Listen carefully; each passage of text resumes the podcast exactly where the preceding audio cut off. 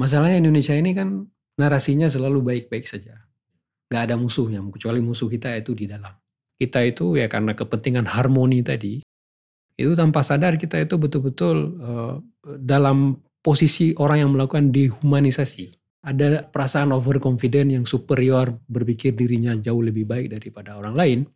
Itu hampir tipis sebenarnya kondisinya. Inilah Endgame.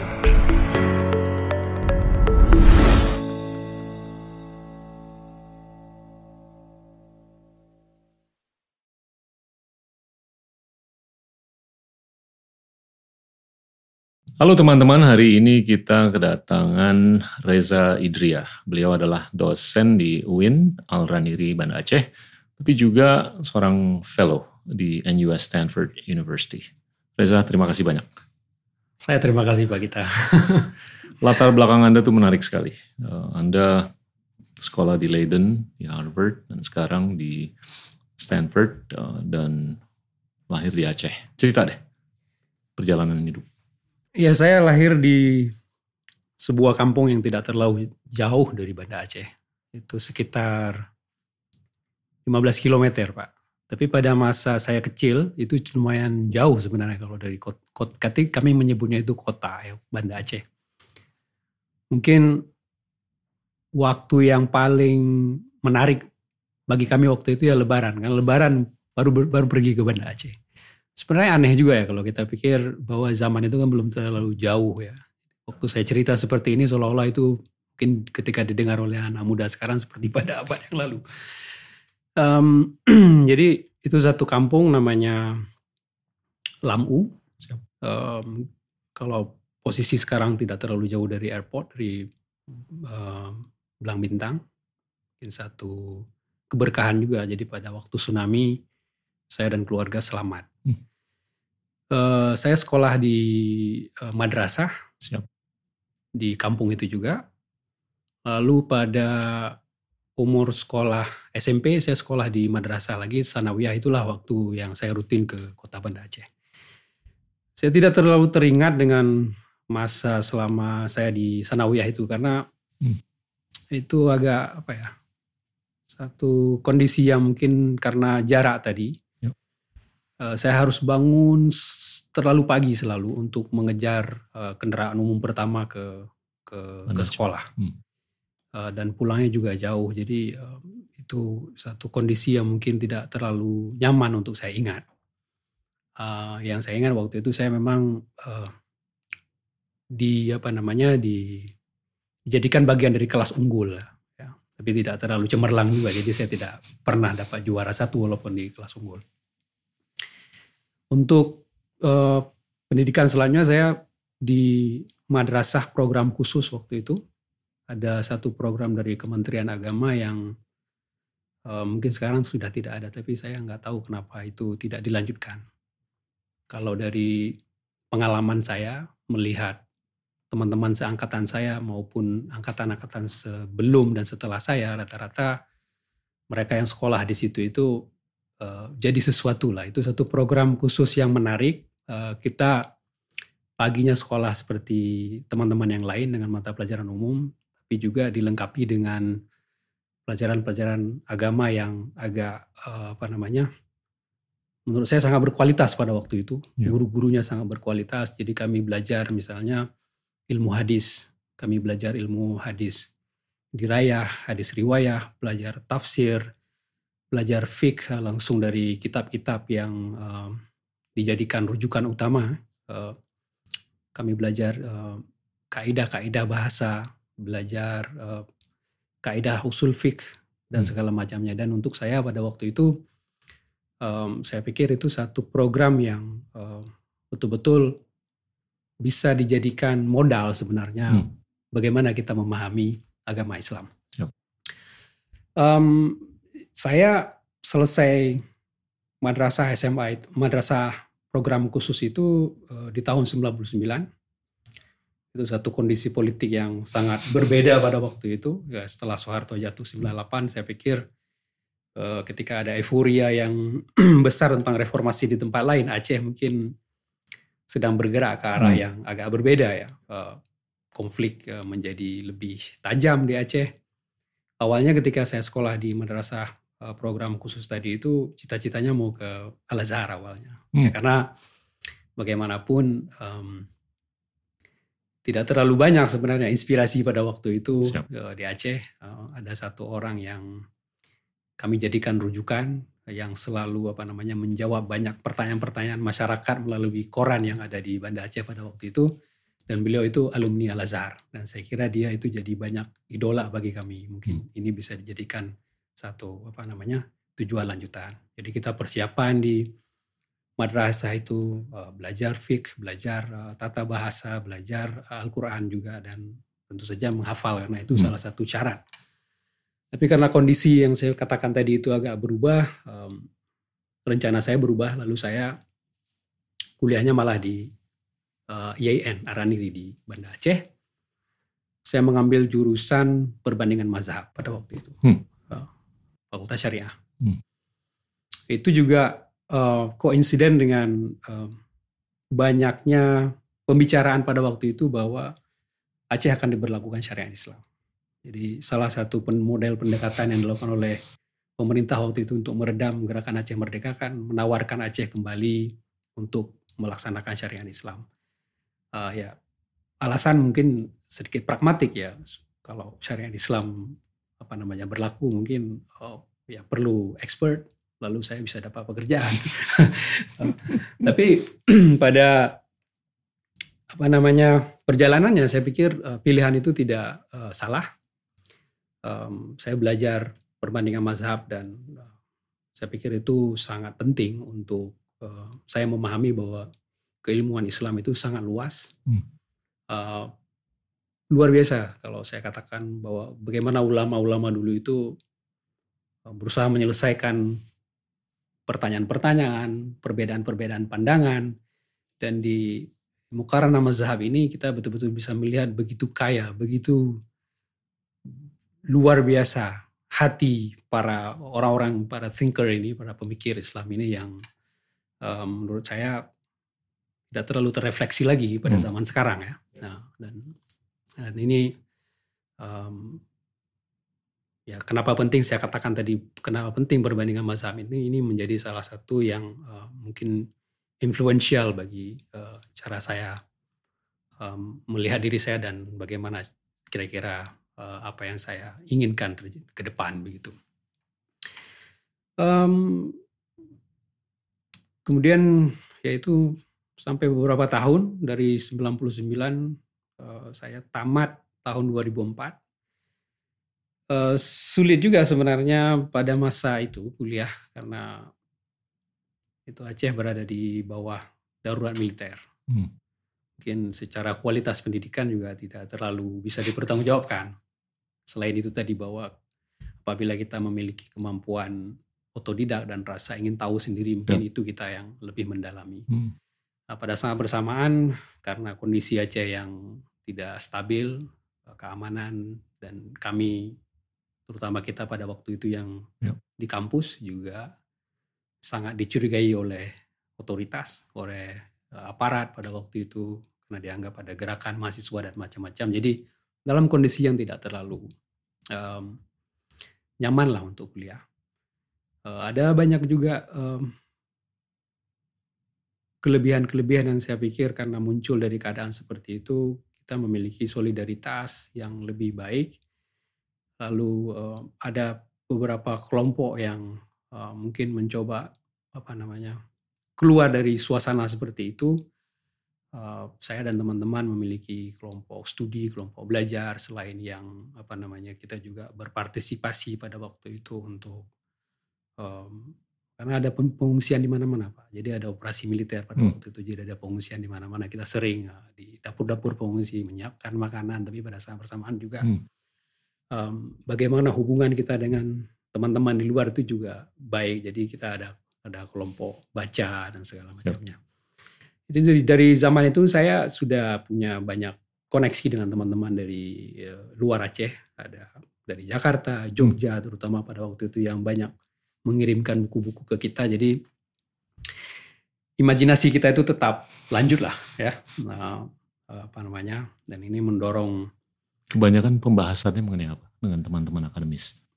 Um, pada waktu itu kita juga pasti akan sedikit uh, taktis ya pak ya. Yang paling aman pada waktu itu kan sebenarnya membaca uh, dan menulis karya sastra sebenarnya. Itu yang lebih artinya akan dianggap tidak subversif. Siap. ya. Siap. Uh, jadi uh, dengan teman-teman kita buat uh, diskusi mingguan, hmm. kemudian membedah buku, kemudian juga menulis dan dari situ saya juga uh, jadi terbiasa agak terbiasa menjadi uh, penulis ya Pak menulis esai, kolumnis. Jadi saya uh, mengirim tulisan-tulisan ke ya dimuat di koran lokal lalu kemudian ke nasional saya menulis di Kompas, di, di majalah Tempo juga. Um, Ya itu kira-kira di sebelum tsunami Pak ya. Lalu setelah tsunami ya kondisi Aceh sangat berubah ya, dengan perdamaian dan uh, rekonstruksi. Saya pikir itu satu fase yang sangat penting juga hmm. bagi saya dan Aceh secara umum, bagi anak-anak muda Aceh. Hmm. Kami memiliki akses yang lebih luas, memiliki koneksi yang jauh lebih uh, apa namanya beragam. Hmm. Um, salah satunya yaitu um, memotivasi saya untuk melanjutkan kuliah. Karena saya pikir setel, sebelum tsunami itu ya kita tidak pernah tahu apakah hmm. konflik itu akan berakhir atau tidak. Hmm. Saya nggak nggak pernah tahu. Yang bisa menghidupkan imajinasi pada waktu itu ya kelompok-kelompok belajar itu ya kelompok belajar teman-teman saya. Hmm. Um, ada teman-teman dari Jogja yang suka kirim kaos pada waktu itu, kirim kaos Che Guevara. Saya kumpulin itu jauh kurang di atas saya pikir lebih dari uh, Sulusin. Jadi pada waktu tsunami itu yang paling banyak selamat dan saya waktu itu bawa uh, ikut itu ke pos-pos pengungsian lagi. Salah satu pos yang sering kami tempati itu berada di lokasi Taman Budaya. Makanya saya waktu itu ketemu sama Mas Gary Nugroho. Hmm. Nah, sehingga ketika dia buat film itu jadi materi. Hmm. Ada ada kaos saya sampai 15 yang semuanya gambarnya. Film Cut Nyadin atau film? No, film film Serambi itu film okay, tentang okay. tentang tsunami Siap. sebenarnya. Siap. Um, itu dan kemudian perkenalan dengan teman-teman dari luar negeri karena ada setelah program rekonstruksi itu kan banyak NGO-NGO yang berada ya, di Aceh. Dari luar juga. Dari luar. luar negeri. Hmm. Uh, dari situ mungkin dari pergaulan dengan mereka, uh, jadi teringat kembali gimana caranya supaya bisa ke pendidikan yang lebih lanjut, tapi masalahnya tidak bisa bahasa Inggris. ya. Yeah. Nggak, nggak pernah ada pendidikan bahasa asing? Sebenarnya ada, kuliah. ada hmm. pak. Di termasuk di madrasah yang saya ceritakan tadi itu di program khusus tadi itu selain bahasa Arab juga bahasa Inggris itu dijadikan uh, mata pelajaran hmm. uh, unggulan ya. Siap. Tapi mungkin ya karena tidak ada ketertarikan, jadi hmm. lebih fokus ke studi agama. Yep. Ya banyaklah apa namanya ada gium ada gium di di kampung dulu kan nggak penting lah di apa nanti di surga nanti nggak diajak ngomong bahasa Inggris ya kira-kira gitu atau di akhirat kita belum masuk surga tapi di akhirat nanti tidak uh, tidak apa diajak ngomong bahasa Inggris terus um, ya dengan pertemanan dengan mereka semua itu memotivasi saya saya pikir um, pendidikan lanjutan itu lebih penting dan uh, saya Pertama, uh, kenapa ke Leiden ya kira-kira? Ada satu ini, satu agent beasiswa waktu okay. itu datang ke Aceh. Uh, Yang penting fulusnya dulu lah. ya. Jadi mereka uh, ya mengadakan sosialisasi dan uh, rekrutmen lah kira-kira gitu. Yeah. Um, kira-kira saya mendekati pada itu dibuat di satu hotel di Banda Aceh pada waktu itu. Uh, saya ceritakan lah bahwa uh, saya punya niat besar untuk ke Belanda. Hmm. Banyak alasannya saya bilang. Um, termasuk sejarah ternyata macam-macam ya. Waktu itu pembicaraan masih agak sedikit uh, apa ya sentimental kadang-kadang juga. Uh, kadang-kadang agak bombastis juga apa ya. Namanya orang pinggiran. Jadi saya bilang uh, uh, ya macam-macam pada waktu itu. Orang Belanda itu tanggung, harus tanggung jawab sama, sama kami sama Aceh. Begitu begitulah alasan. Dan uh, mungkin agent beasiswa ini dia bisa jadi terganggu atau apa atau apa tapi uh, juga mungkin satu sisi tertarik gitu kamu mau ke Belanda tapi tidak bisa bahasa Inggris gimana katanya. Ya itu tugas tugas kalian membuat saya bisa bahasa Inggris gimana caranya? Kira-kira begitu. Jadi akhirnya ya saya di apa diikutkan dalam satu program untuk belajar uh, intensif bahasa Inggris di Jakarta. Masya Allah. Berapa lama? Uh, sekitar enam bulan, Pak. Wow. Sekitar enam bulan dan itu wow. sudah pasti tidak cukup. Jadi Iya. pulang dari sana juga saya belum bisa bahasa Inggris. Tapi itu juga udah cukup intensif kan? Sangat intensif. Uh, artinya untuk belajar TOEFL ya sebenarnya. Ya terus saya saya saya banding bandingkan memang uh, belajar TOEFL ini seperti belajar sesuatu yang sangat teknikal. Hmm. Kalau sering dilatih ya bisa, Hmm. tapi dia tidak bisa merepresentasikan kemampuan kita berbahasa sebenarnya. Hmm. Ya, semakin sering, semakin Iya. terampil kita. Sama seperti kita isi TTS. Iya. Gitu. Tapi ternyata bukan itu yang dibutuhkan dalam studi. Ya.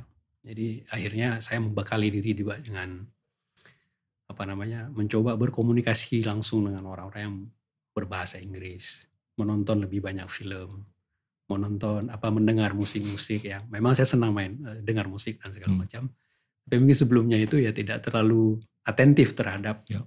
lirik dan segala Ya. macam. Lalu saya pikir eh, penting Perlu nih. untuk saya itu untuk lebih tahu sebenarnya bagaimana sih pola ungkap kan begitu pak. Nah itu yang membantu kemudian em, apa membuat saya juga lebih confident ya untuk em, saya pikir sudah saatnya saya berangkat. Jadi eh, begitu saya lamar eh, saya pilih juga yang universitas yang menurut saya paling baik di Belanda Luar biasa. Leiden. um, dan punya Hmm. ikatan sejarah dan emosi dengan Aceh. Itu Leiden saya pikir karena di sana juga ada banyak sekali Hmm. um, apa materi-materi yang penting Hmm. yang dulu dibawa oleh kolonial ke sana. Ya. Dan buat saya itu penting saya akses uh, di sana. Lalu di sana juga ada satu orang Aceh yang saya tahu pernah uh, mengajar di sana. Ya. Namanya Teguh Iskandar. Hmm. Uh, saya ingin sekali jumpa dengan beliau. Jadi bagaimana dia itu bisa jadi orang Belanda. Saya ingin tahu waktu itu. Dari Aceh, uh, bagaimana apa yang bagaimana um, apa yang membuat dia itu mau jadi orang Belanda, tinggal di Belanda dan tidak pulang lagi. Kira-kira itu motivasi saya. Ya alhamdulillah dalam perjalanannya um, saya lulus diterima ke Alhamdulillah. ke Leiden. Ngambil apa? Um, masih karena saya sebelumnya itu background saya itu studi Islam, jadi saya mengambilnya uh, Islamic Studies di sana. Um, ini juga yang memberi warna baru kepada cara saya memahami bagaimana studi agama itu juga Hmm. karena kebetulan saya ada dua mentor di sana. Yang satu orang antropolog, beliau itu studinya Maroko, dia orang Belanda. Satu lagi historian dari Mesir, Al-Azhar, uh, studinya tentang uh, Islam di Eropa. Wow. Beliau memperkenalkan saya dengan um, satu tokoh yang sebelum saya ketemu itu saya juga uh, anggap kontroversial. Mungkin Pak Gita pernah dengar namanya Nasir Hamid Abu Zaid. Hmm. Uh, dia kan difatwa sebagai orang sesat di Mesir dan juga uh, ya akhirnya memilih tinggal di Belanda. Jadi Nasir Hamid uh, memberikan perhatian yang cukup besar bagi uh, anak-anak yang sedang anak-anak Indonesia ya saya bilang yang sedang studi di sana. Uh, beliau memberi kami kelas khusus Hmm. dan juga sering mengundang ke rumahnya. Dan saya pikir banyak hal yang saya belajar dari dari beliau walaupun Ajaran dalam bahasa dalam bahasa Inggris ya Pak. Dalam bahasa Inggris karena em, juga bahasa Arab karena dia seorang ahli tafsir juga ya. Ya. Ahli tafsir, pemikir em, ya kalau diistilahkan oleh sebagian orang yang tidak suka kepada beliau sebagai neo mu'tazilit dan Hmm. seperti seperti itu. Tapi orangnya eh, luar biasa baik, betul-betul dalam pengetahuannya dan eh, punya komitmen yang luar biasa terhadap terhadap Islam dan bagaimana dunia salah paham terhadap Islam. Itu yang saya belajar dari Nasir Hamid Hmm. dan juga uh, banyak tokoh-tokoh lain yang saya saya lihat di situ. Sehingga saya pikir background pengetahuan uh, kemudian mungkin lingkungan saya lahir uh, juga punya sesuatu yang bisa saya kasih kontribusi juga gitu Pak. Jadi segala studi saya itu dari Leiden sampai sekarang itu juga uh, tidak ada yang terlalu jauh sebenarnya dari apa yang apa pengetahuan yang saya yang linier yang sudah saya mungkin uh, pendekatan-pendekatannya aja yang sedikit uh, berbeda hmm. tapi core-nya itu saya tidak tidak pernah menyesali bahwa saya dulu itu misalnya dari madrasah alia program khusus lalu ke studi perbandingan mazhab kemudian saya ke Leiden ke Harvard bahkan hari ini ketemu pagi tadi Stanford juga saya pikir ada satu trajektori yang uh, luar biasa. Luar biasa. Bapak yang bilang kan saya. Dari kampung yang 15 kilo dari Banda Aceh. Yeah. Bisa ke Palu. Tapi sekarang uh, sudah dekat ya Pak ya? Sekarang kalau dari rumah dari rumah ibu saya ke katakanlah ke kota Banda Aceh sudah bisa naik 24 menit mungkin atau 30 menit. Tapi dulu itu sepertinya jauh sekali. ya. Tapi kalau saya bilang dulu itu sebenarnya dulu kapan? Padahal ya saya belum terlalu tua juga. Anda di Harvard ngambil antropologi S3-nya. Yeah. Terus disambung deh dengan hmm. apa yang Anda saksikan di Aceh dan apa yang Anda saksikan di Indonesia. Dari sisi evolusi budaya, evolusi antropologi. Ya. Hmm. Jadi pilihan ke beralih ke antropologi ini juga uh, ada motif personal juga hmm. dari perkenalan juga pak. Siap. Um, jadi waktu sebelum saya berangkat ke Belanda pun itu saya uh, sudah apa namanya menemani sebagai uh, semacam asisten peneliti lah. Jadi seorang antropolog yang uh, sudah cukup senior hmm. dari Cornell University, uh, namanya Jim Siegel perkenalan saya dengan Jim ini juga um, dari kelancangan saya awalnya. Nah, karena pada pada masa awal-awal di apa setelah perdamaian kemudian uh, saya dengan teman-teman yang kelompok dulu apa namanya kelompok baca itu juga bikin satu organisasi kami hmm. bikin sekolah menulis kami keluarkan jurnal juga uh, salah satu hal yang penting bagi apa ya, pengetahuan kami waktu itu adalah bagaimana sebenarnya ide tentang Aceh tentang syariat Islam itu pernah muncul di tahun 60-an dengan pemberontakan Darul Islam. Yep. Nah, kita ingin mencoba menggali untuk melihat uh, apa apa kesamaannya atau perbedaannya, kenapa kemudian respon pemerintahnya itu sama. Jadi dalam merespon adanya gejolak politik, kemudian kenapa syariat Islam itu ditawarkan. Dan saya pikir penting untuk uh, mendengar pengalaman orang-orang yang hidup pada zaman itu.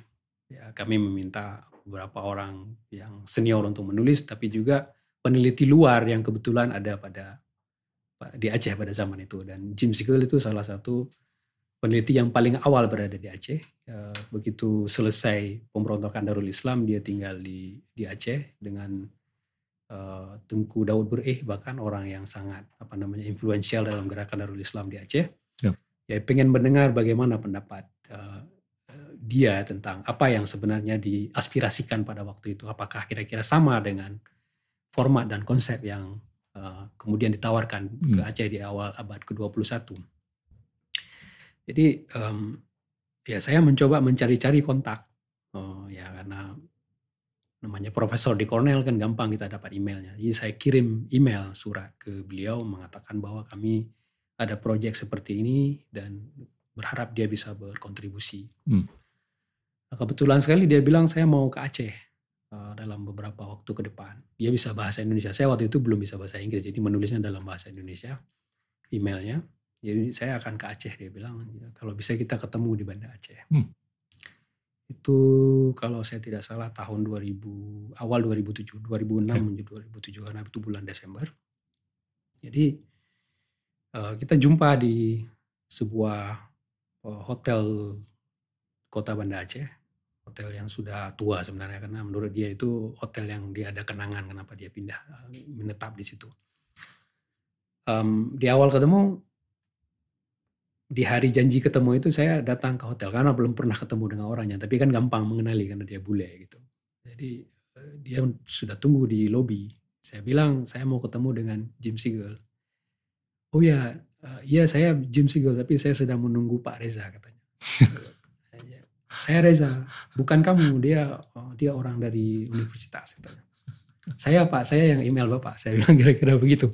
Jadi dia uh, mungkin pikir tidak percaya. muda anda kali ya. Mungkin waktu itu ya, Hmm. uh, muda dan ya mungkin tidak mirip scholar juga. Jadi dia tidak yakin gitu. Tapi setelah itu uh, ya udah apa namanya kita saling ini apa saling belajar satu sama lain dan saya sering menemani beliau ke mana pun kalau melakukan studi ke Aceh. Dan itu hampir setiap bulan Desember dia datang lagi ke Aceh datang lagi ke Aceh dan saya selalu dari situ saya eh, belajar. Saya tanya-tanya emang eh, studinya apa, apa, apa dia kepakaran dia sebagai antropologi itu studi antropologi itu seperti apa? Dia tidak pernah memberi definisi kepada saya apa itu antropologi. Jadi ya lihat aja apa yang saya saya bikin dia dia bilang begitu. Lihat aja apa yang saya bikin. Em, ya itu lebih ke apa namanya kami ke kampung-kampung mendengar cerita orang lalu berbicara lagi menulis. Saya disuruh mentranskripsi hasil wawancara. Hmm.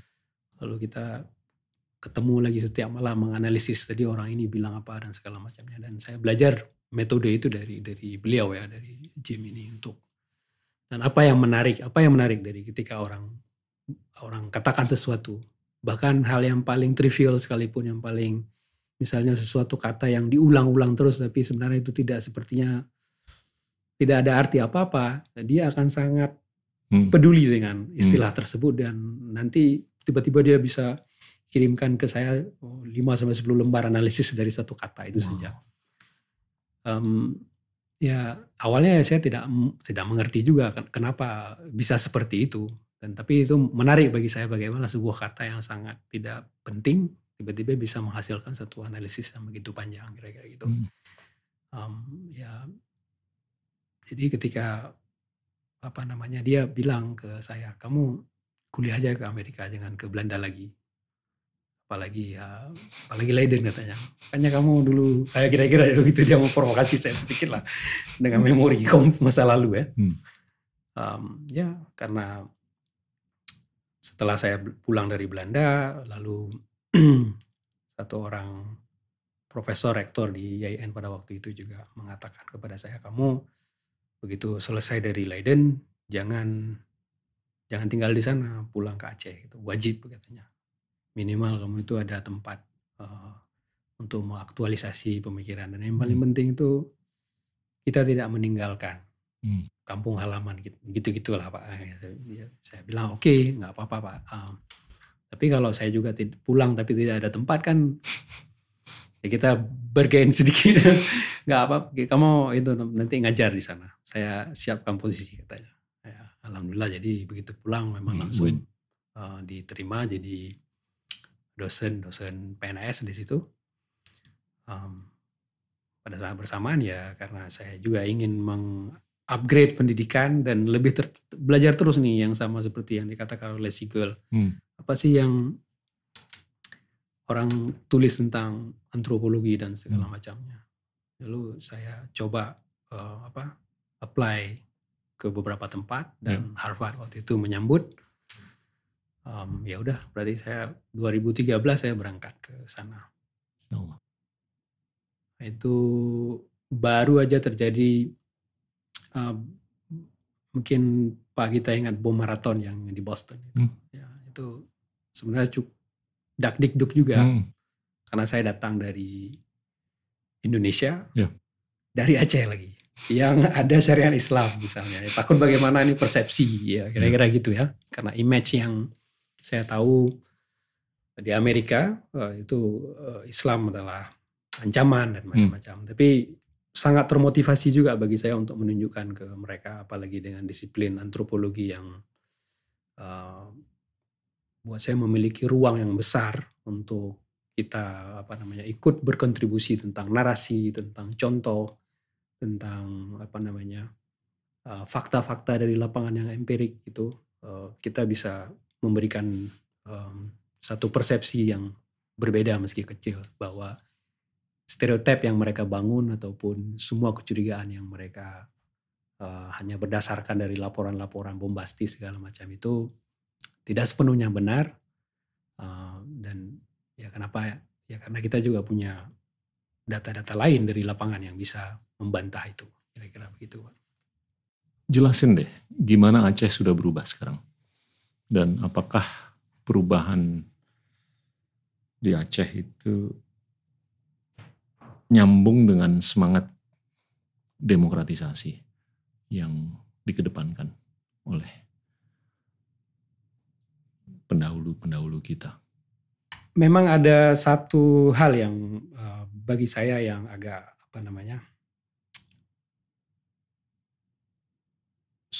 sulit sebenarnya memberikan satu uh, konstruksi yang clear ya, uh, terutama yang saya katakan tadi bahwa Aceh itu sebenarnya kan memang bagian yang eh, tidak jauh dari Indonesia. Ya. Artinya ya dari keseluruhan negara kita itu hmm. baik secara jarak maupun mungkin secara emosi itu. Tapi cara pandang orang melihat Aceh itu bagi saya itu jauh karena orang tidak mungkin apa tidak mencoba mengenal dekat. Jadi yang mereka pahami tentang Aceh itu pasti dari pemberitaan dan ya. stereotip yang sudah begitu lama yang ada di ya, dalam benak hmm. kita ini ya, yang sebenarnya itu ditinggalkan oleh kolonial dulunya. Ya. Cara melihat orang Aceh bahwa mereka wataknya keras, bahwa mereka itu fanatik, bahwa uh, dan ini juga mungkin nggak tahu ya teman-teman Aceh saya itu cerdas semua. Orang-orang Aceh yang saya ketahui itu saya benar-benar look up ke mereka. Ya, um, tapi ada satu kondisi juga yang um, saya kira uh, orang juga punya alasan untuk melihat seperti itu ya. Hmm. Karena kalau misalnya hari ini sosial media bisa dijadikan barometer, hmm. itu kan kita bisa lihat komen-komen orang terhadap apa apa apa pun yang yang misalnya muncul berita-berita dari Aceh. Yeah. Um, memang itu satu kondisi yang sangat uh, berbeda dengan daerah-daerah lain di Indonesia. Yep. Um, ya, pertama itu karena karena ada perjanjian damai yang ada konsekuensi kepada Aceh itu untuk memiliki otonomi khusus dalam penyelenggaraan pemerintahan. Kenapa Aceh itu punya partai lokal mungkin yang tidak dimiliki oleh uh, daerah lain. Hmm. Lalu juga uh, keistimewaan untuk melaksanakan syariat Islam. Hmm. Um, mungkin dalam perjalanannya uh, saya juga melihat bahwa ada beberapa problem yang orang Aceh mestinya bisa lebih baik ya. uh, apabila mampu memanfaatkan uh, hikmah yang kan sebenarnya setelah ada bencana dalam Islam dalam apa dalam teologi yang kita pahami itu semestinya ada hikmah ada sesuatu ya. uh, hikmah di Aceh itu ada setelah tsunami ada perdamaian tapi sebenarnya uh, they could do better. Seharusnya kan mereka bisa memperoleh hal yang jauh lebih baik dengan uh, apa yang sudah di, di, dimiliki. Hmm.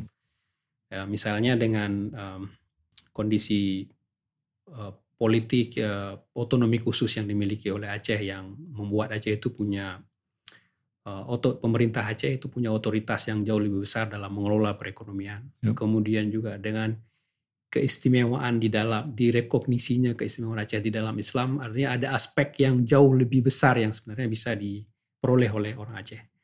Tapi dalam tata kelolanya ini yang bermasalah sekarang. Hmm. Ya, um, ternyata um, ya orang Aceh itu belum begitu selesai dengan uh, apa budaya konflik yang ada sebelumnya. Dari narasi-narasi sebelum uh, perdamaian itu juga masih berlanjut, hmm. uh, masih berdebat siapa yang paling Aceh. Jadi kalau dulu itu mungkin ada common enemy ketika ada pressure dari atas, mungkin dulu musuhnya uh, bisa diproyeksi ke sana, tetapi sekarang uh, lebih ke apa? Konfliknya lebih uh, horizontal. Siapa yang paling Aceh? Mana partai politik yang paling merepresentasikan Aceh dan hmm. dan lain-lain. Kemudian juga direction dari uh, pelaksanaan syariat Islam ini. Ya. Ini yang makanya saya bilang tadi di dalam uh, uh, studi saya sebelumnya misalnya tentang mukarana mazhab perbandingan mazhab itu kan sebenarnya sangat kaya hmm. uh, keilmuan Islam ini, sains tentang hmm. keilmuan Islam ini luar biasa. Dan bagaimana perbedaan pandangan diakomodir dan kemudian karena Hmm. perbedaan-perbedaan tersebut itu muncul analisis baru, Hmm. muncul uh, produksi keilmuan baru. Hmm. Nah, yang seperti ini ini missing. Jadi kalau misalnya uh, diskusi kolega kita di Stanford ini misalnya Frank Fukuyama, liberalism and its discontent, Hmm. jadi ada ada syariahism and its discontent juga ini. Ada sesuatu yang tentang syariah Islam ini yang tidak uh, esensinya itu tidak menjadi uh, fokus. Gimana mengobati diskonten tersebut dalam konteks syariah? Ya, saya kira literasi yang paling penting. ya. Hmm. Bagaimana me- menumbuh kembangkan keinginan kembali untuk belajar dan reflektif melihat bahwa um, direksi atau yang sedang dikerjakan ini atau mungkin arah yang sedang dikerjakan ini ada yang keliru di sini. Hmm. Ya, karena dari awal ini sebenarnya juga dari ketika pemerintah Indonesia memberikan Aceh eh, peluang untuk melaksanakan syariah itu Ya. kita eh, saya melakukan kajian-kajian misalnya Betul. bagaimana retorika yang disampaikan oleh orang pada waktu itu itu kan sangat ini eksperimental jadi Hmm. Uji coba tes dan segala macam dan em, em, ya selain misalnya istilah-istilah yang digunakan Yep. em, itu em, sebenarnya ini sulit sebenarnya kalau kita recourse dengan eh, bagaimana para ulama-ulama klasik itu juga mendefinisikan eh, syariat ya. Hmm. Em, dan di Aceh sendiri, nah ini satu kelebihan yang juga harus kita apresiasi. Eh, mungkin ada budaya egaliter di Aceh. Orang Aceh ini juga tidak apa namanya eh, cukup dinamis sebenarnya. Eh, kita lihat dalam apa namanya mencoba meng- mengintervensi apa yang dilakukan oleh pemerintah cukup cukup vokal. Jadi Aceh itu juga jangan ini yang saya bilang tadi bahwa stereotip kadang-kadang Hmm. mengalahkan kenyataan. Ya. Kalau kita baca di media dan uh, mungkin orang-orang yang bercerita tentang Aceh di mana pun, mungkin yang terbayang di Aceh itu sama seperti di Afghanistan, sama seperti di uh, Iran dan sebagainya. Itu Enggak enggak, itu enggak. sama sekali tidak Hmm. seperti itu. Ya. Meskipun ada beberapa praktik, misalnya dalam uh, uh, apa pengaruh pengaruh utamaan dalam uh, bagaimana me- mengurus moral misalnya. Ini ada ada ada beberapa persoalan di sini uh, uh, tentang hukum cambuk misalnya yang selalu disorot oleh Hmm. media-media asing misalnya masih terus terjadi di Aceh. Um, saya kira uh, ada juga dinamika yang penting yang harus dicatat di Aceh itu juga sendiri uh, orang juga sangat proaktif untuk melihat bahwa apakah ini harus diperbaiki. Ini masih menjadi satu ongoing contest yang menarik buat saya uh, lihat. Ada kesadaran itu dan itu juga bukan karena didikte oleh oleh karena oleh pemberitaan asing dan segala macam. Tapi saya pikir karena ada satu kultur di dalam orang Aceh sendiri itu sebenarnya ya kalau ada sesuatu mereka akan mencoba melihat itu dengan cukup proaktif. Walaupun mungkin yang mainstreamnya masih seperti ini, tapi ininya terus uh, berubah, tidak tidak statik, jadi tidak monolitik juga. Ini pendekatannya juga berubah. Misalnya uh, dalam beberapa tahun terakhir uh, pembicaraan-pembicaraan tentang bagaimana tentang penghukuman itu menurut saya sudah lebih uh, landai. Yep. Orang sudah lagi lebih berpikir ke yang lebih real misalnya. Bagaimana kita promote misalnya Aceh itu menjadi satu potensi kawasan Hmm. uh, wisata halal. Yep. Lalu orang berbicara tentang uh, uh, produk ekonomi syariah apa yang bisa di, di, dikontribusikan oleh Hmm.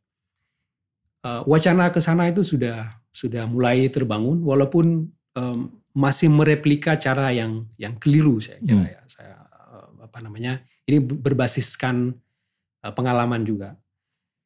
Contoh yang terbaru misalnya um, ketika arah kebijakannya itu sudah mencoba melihat jangan lagi kita uh, banyak sekali berbicara tentang uh, hukuman uh, moral, hukuman cambuk dan segala Hmm. macam, lalu orang sudah berbicara tentang perbankan syariah. Hmm. Dan saya pikir itu Hmm. satu uh, improvement yang menarik. Ya.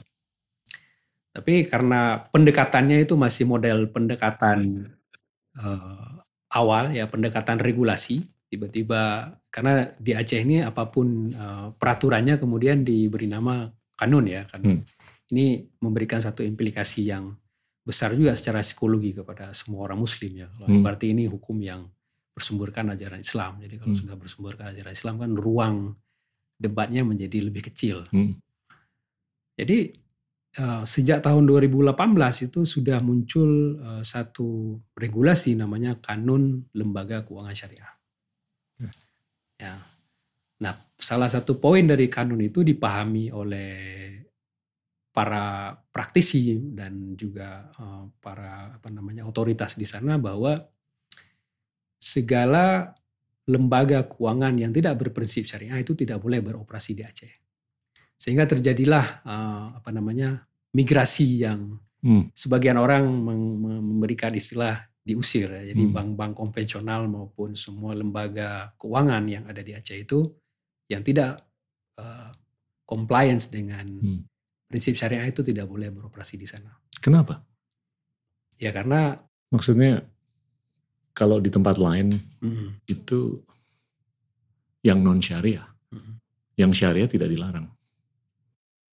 Ya, Iya i- kan? mak- makanya yang saya saya katakan tadi inilah dengan uh, model yang yang apa bahwa ada gagasan untuk menjadikan Aceh ini satu model uh, baru dalam arah mana sebenarnya modal yang kita punya untuk uh, pelaksanaan syariat ini Iya. itu sudah bagus.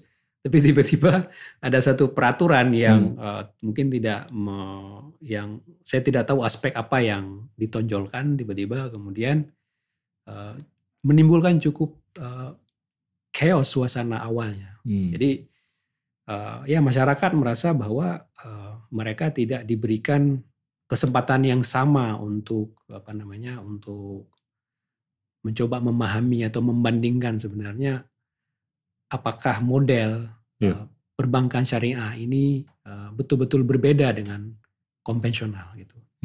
Istilahnya um, kalau misalnya argumennya adalah bank konvensional itu tidak boleh karena riba, haram karena riba, eh, apakah yang bank yang sudah mem- memberi nama dirinya itu institusinya itu bank syariah itu terlepas dari praktik riba itu?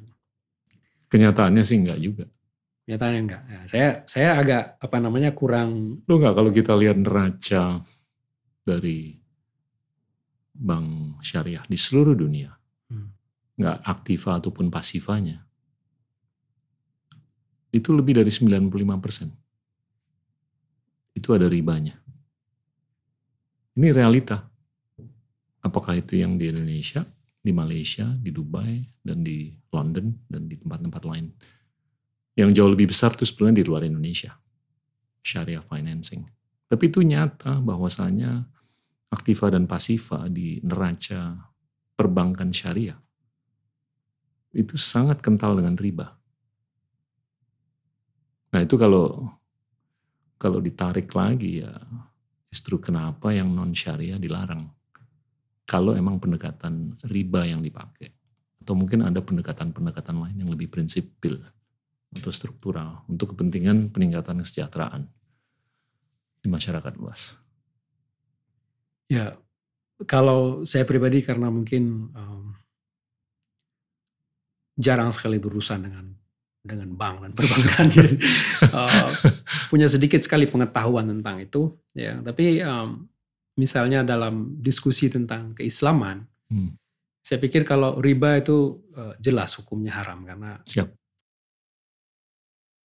apa namanya ada ada dalilnya lah kalau kita Hmm. lihat secara fikih ada nasnya dari Al-Qur'an Eh, pertama Allah itu melarang bahwa jangan memakan riba itu berlebih-lebihan wala ta'kulu riba atau afa mudha'afa tapi pada ayat yang lain eh, Allah berfirman wa halallahu al-bai'a wa harrama riba Allah itu menghalalkan jual beli dan mengharamkan riba jadi itu menurut ulama sudah Hmm. kata sudah Bulat, jelas bulat. bahwa riba itu haram. Pertanyaannya apakah praktik di bank konvensional itu riba atau bukan? Ini kan belum ada kesepakatan. Itu Iya. sebagian orang berargumen seperti itu. Karena walaupun eh, misalnya eh, yang disebut tidak ada konsensus ini karena ada ulama di negara ini atau pada zaman ini mengatakan itu uh, ya riba haram sudah pasti, tapi praktik di bank misalnya, apakah itu bisa dikategorikan haram atau tidak itu Hmm. berbeda. Um, dan yang jadi pertanyaan oleh masyarakat di Aceh adalah apakah kemudian misal bank yang beroperasi di Aceh itu sudah bebas dari praktek itu misalnya, apakah betul mereka itu syar'i misalnya? Hmm.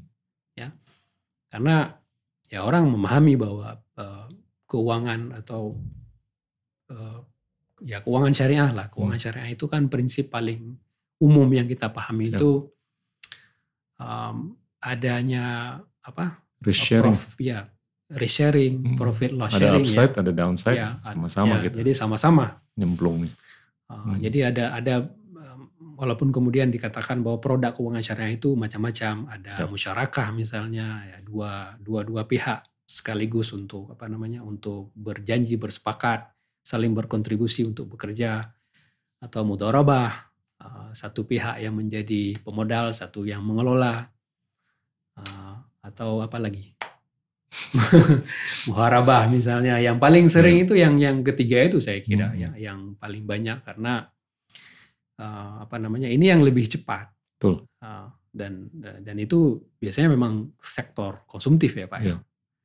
Nah em, saya pikir kita tidak bisa menafikan bahwa Hmm. ada keinginan orang itu untuk apa ya peaceful mind dia Iya, ingin bawa harta yang dia miliki ataupun barang yang dia peroleh itu dengan cara-cara yang benar dan halal itu Hmm. sangat penting dan nah tapi masalahnya ketika ini em, tidak dipahami dengan cara yang sama atau Ya. malah kemudian kita katakan bahwa ini dimanfaatkan oleh eh, modal kapital yang jauh lebih canggih ya dalam melihat eh, algoritma cara berpikir masyarakat kita yang kadang-kadang eh, apa ya misalnya seperti Asef Bayat bilang sekarang sebenarnya eh, menarik untuk dikaji.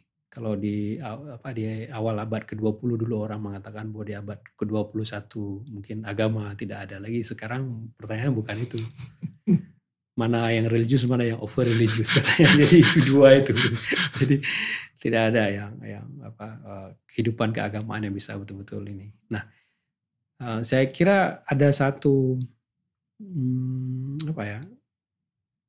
Ada satu fenomena yang di Indonesia sekarang yang uh, over religiosity itu juga uh, Ya. itu nampak ya dalam dalam kehidupan sosial media kita terutama Ya. yang karena kita tidak bisa mengatasnamakan Indonesia kecuali uh, fakta di sosial media sekarang ya karena banyak sekali isu yang sama-sama kita komentari kita Dari sisi antropologi, gimana sih menurut Anda fenomena sosial media ini? Saya kan udah sering kali menyampaikan bahwa polarisasi percakapan itu sangat berkorelasi dengan eksistensi medsos. Ya kan? Nah ini bakal sampai titik fatik nggak sih? Di mana masyarakat luas tuh akan sadar untuk nggak ngeliat handphone lagi, nggak ngeliat medsos lagi, terus melakukan hal yang bijaksana ke depan. Atau ini justru akan sekuler gitu loh pertumbuhannya, bukan episodik. Ya untuk saat ini belum belum ada belum kelihatan ada pilihan lain ya. Saya kira dengan eh, masyarakat kita juga yang sangat atentif terhadap eh, apa segala sesuatu yang serba instan. Saya kira memang ini juga ada problem dari eh, em, problem dari kemampuan kita itu untuk serius ya. Karena gini, yang paling ditawarkan apa yang namanya yang paling gampang ditawarkan oleh sosial media ini kan ke- kecepatan dan kesingkatan. Iya. Jadi dia menawarkan uh, hal-hal yang selektif, hal-hal yang sudah apa seolah-olah sudah ada pihak yang memvalidasi bahwa isu ini penting. Lalu dia viral, lalu di orang semua ke situ. Dan dia biasanya singkat saja. Uh, jadi apa namanya hanya dengan beberapa uh, narasi kemudian juga ko- komentar yang narasi kemudian lusa atau dua hari kemudian isunya berganti kan itu sangat sangat cepat dan singkat itu tidak membuat orang itu merasa perlu dia mendalami dengan serius melihat Betul. dari berbagai angle. Nah, Hmm. eh, ya saya kira itu kalau misalnya pola pola kita belajar eh, itu tidak berubah, itu itu akan menjadi penyakit yang akan berkelanjutan. Bagaimana interaksi kita di di sosial media, Pak. Dan dia sangat meliberasi kan, meliberasi orang untuk menumpahkan segala hal. Orang bisa memaki, bisa apa saja di situ, ngepost apa saja. Eh, konsekuensinya sepertinya kecil ya. Hmm. Orang mem- menganggap sepertinya kecil, padahal ada konsekuensi yang sangat besar Hmm. uh, bagi kehidupan kebudayaan kita maupun ya kadang-kadang bahkan uh, konsekuensi yang sangat uh, apa namanya parah juga secara legal dan ini. Tapi yang orang lihat seolah-olah misalnya he's nobody dia bisa komen apa aja. Kita post sesuatu lalu di bawah itu langsung bisa di, dia memaki orang segala macam. Dia seolah-olah dia itu nanti uh, apa ya kan lolos atau misalnya pola pun kalau ada konsekuensi sesuatu sekarang kan juga diberikan contoh seolah-olah ya cukup dengan Saya sih nggak mempermasalahkan bahwasanya siapa pun itu bisa beropini mm, atau menyampaikan pandangan, ya kan? Tapi di era pasca kebenaran, yang sangat nyata kelihatan itu adalah feeling itu lebih penting daripada bukti empiris. mm, Opini itu lebih penting daripada kebenaran, ya kan? Ya. Nah, semakin kita terjerumus ke sosmed atau medsos, semakin kita nggak bisa mengukur atau bahkan semakin bisa mengukur mana yang lebih berdasarkan empirical evidence atau mana yang lebih berdasarkan feeling.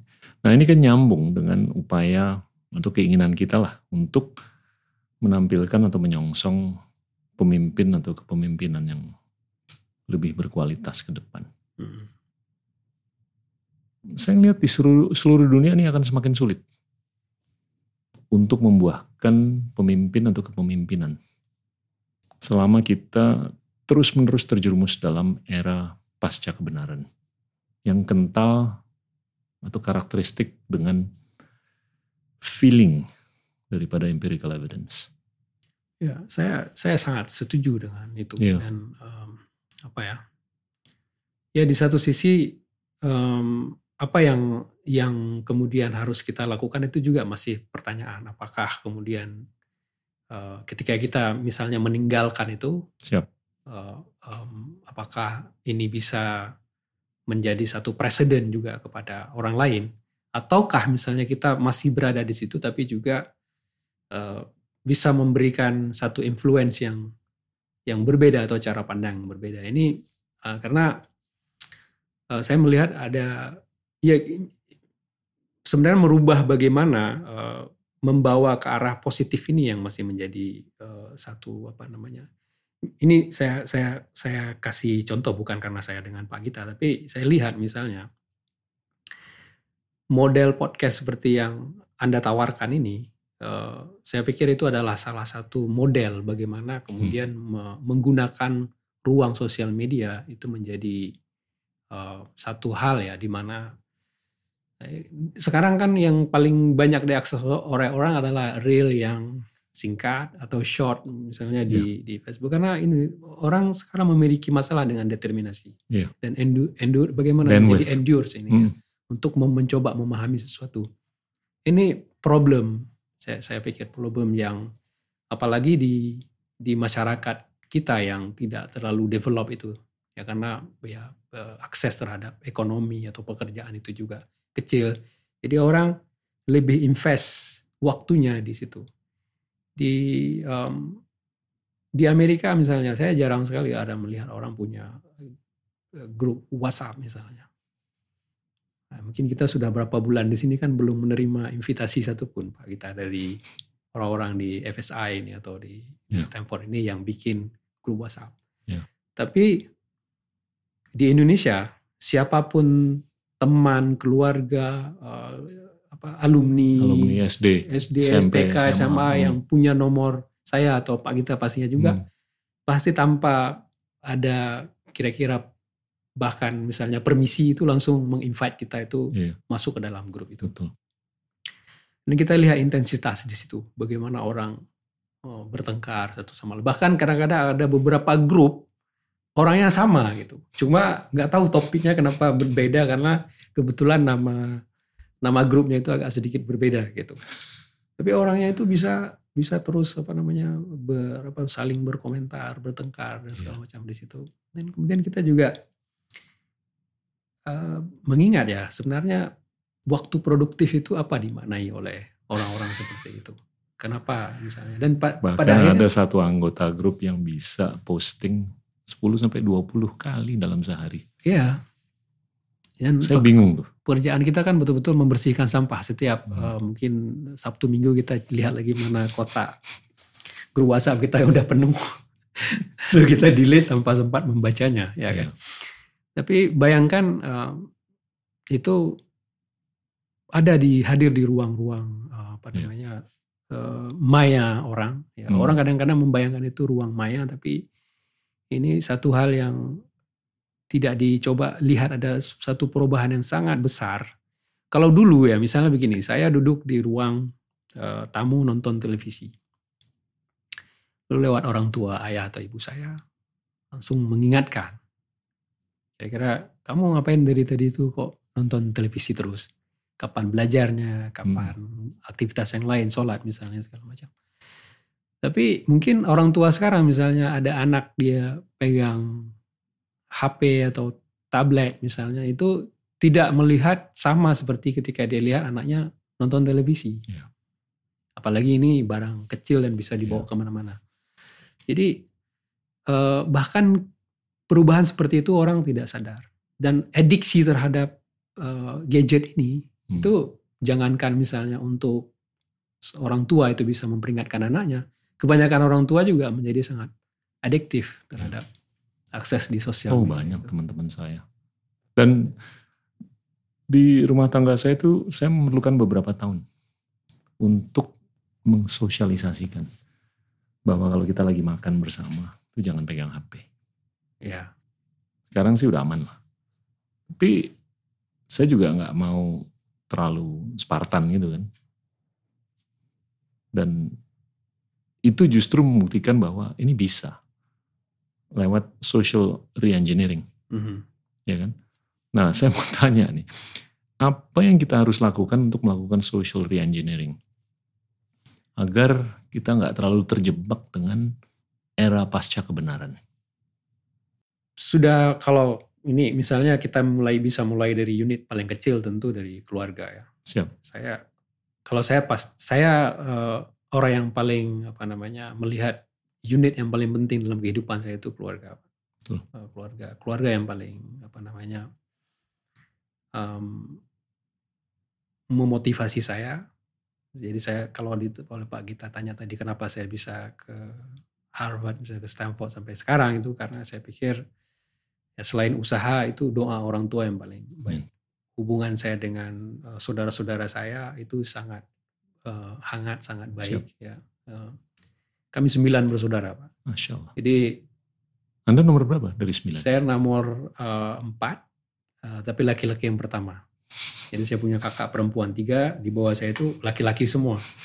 Setiap saya perkenalkan diri selalu, uh, misalnya di, di waktu saya di Belanda itu juga mereka akan tanya from how many moms itu kan stereotype juga yeah. saya bilang enggak dari satu ibu satu. saya bilang karena mereka pikir karena kita muslim jadi pasti yeah. poligami dan segala yeah, macam kan um, dan um, ya pola orang tua saya mendidik kami itu buat saya itu sangat membekas sangat apa namanya um, menjadi nilai yang sangat penting yeah. bagi saya untuk itu terus saya turunkan juga ke anak nanti dan komunikasi yang sangat baik ini buat saya juga uh, satu pola seperti yang Pak Gita katakan tadi itu bagaimana mere-engineering sebenarnya. Hmm. Ini kan kebanyakan sekarang uh, pola komunikasi dari keluarga dari di dalam internal sendiri itu tidak bagus. Kemudian ini juga ketika keluar pasti jauh lebih tidak bagus.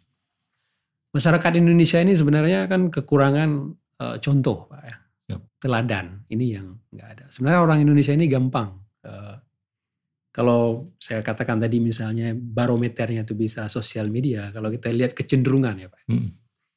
kecenderungan kita itu menghukum, menghujat, mempermalukan itu efeknya kecil Iya. di Indonesia. Hmm. Tapi coba kalau misalnya sesuatu itu yang menyentuh hati, Hmm. oh itu bisa Hmm. ribuan jutaan di situ. Hmm. Jadi orang itu sebenarnya senang dengan sesuatu ya. Mereka itu hati. easily move sebenarnya orang Indonesia itu. Iya. Ya. Jadi gampang, atentif. Nah, masalah sekarang adalah contoh yang tidak ada. Hmm.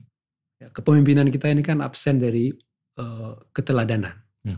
Ya, itu tidak kita tidak kita miliki. Ini problem di Aceh juga ya, problem syariat ini juga. Hmm. Ketika misalnya kita eh, terlalu menitikkan pada moral, tapi contoh moralitas itu juga Ya. tidak bisa divalidasi. Lead ini yang example. kemudian eh, eh, menimbulkan masalah dan Hmm. apa kejatuhan rasa percaya diri dan segala Hmm. macamnya.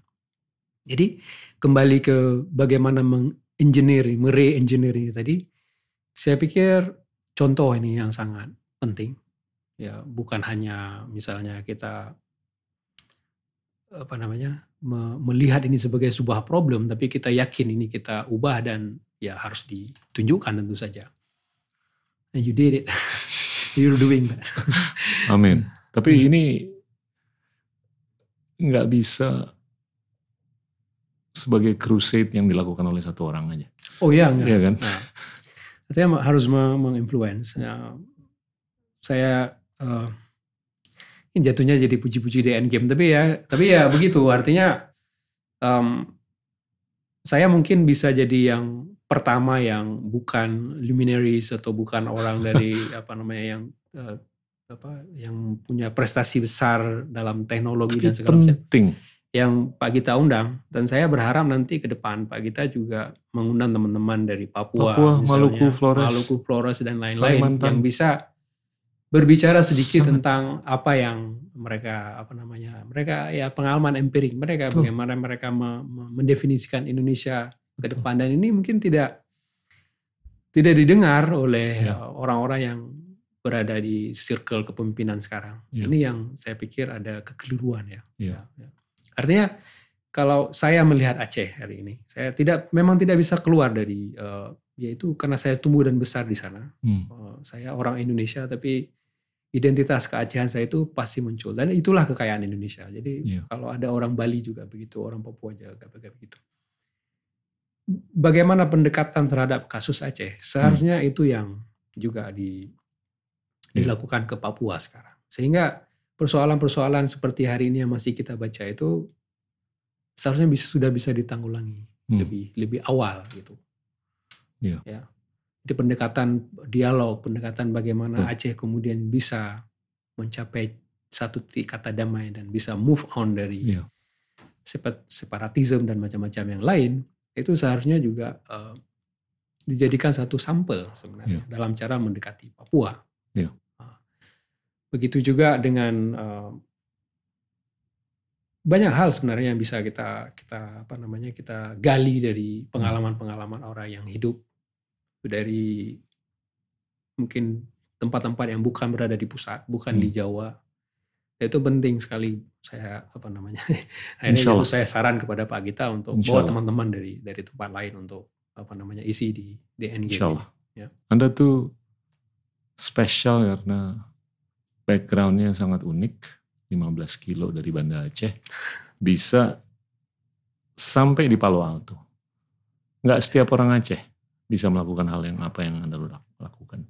Dan dan gini loh, kalau saya ngukur pemimpin, apakah itu di rumah tangga, RT, RW, kabupaten, kota, provinsi, dan lain-lain, kepala sekolah, itu adalah Iya.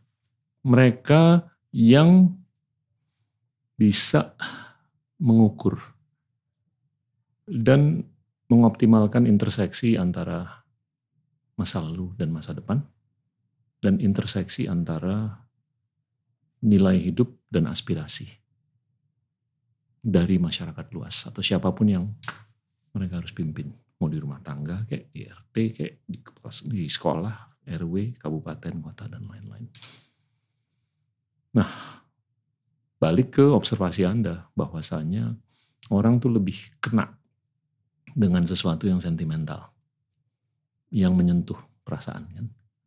Itu nyambung dengan observasi saya juga bahwa kita lebih berani mengukur sesuatu berdasarkan feeling bukan berdasarkan empirical evidence. Nah ini nanti resikonya adalah nyambung dengan berkurangnya kapasitas kita hmm. untuk menyongsong kepemimpinan yang bermutu ke depan. Hmm. Saya rasa untuk seluruh dunia dalam beberapa puluh tahun ke depan sulit untuk kita mengulangi masa-masa yang indah seperti kita lihat tokoh-tokoh atau sosok seperti Roosevelt, yeah. Mahatma Gandhi, Kennedy, dan lain-lain lah, termasuk Bung Karno. Gak gampang, ya kan? Salah satu kankernya adalah medsos, kalau menurut saya.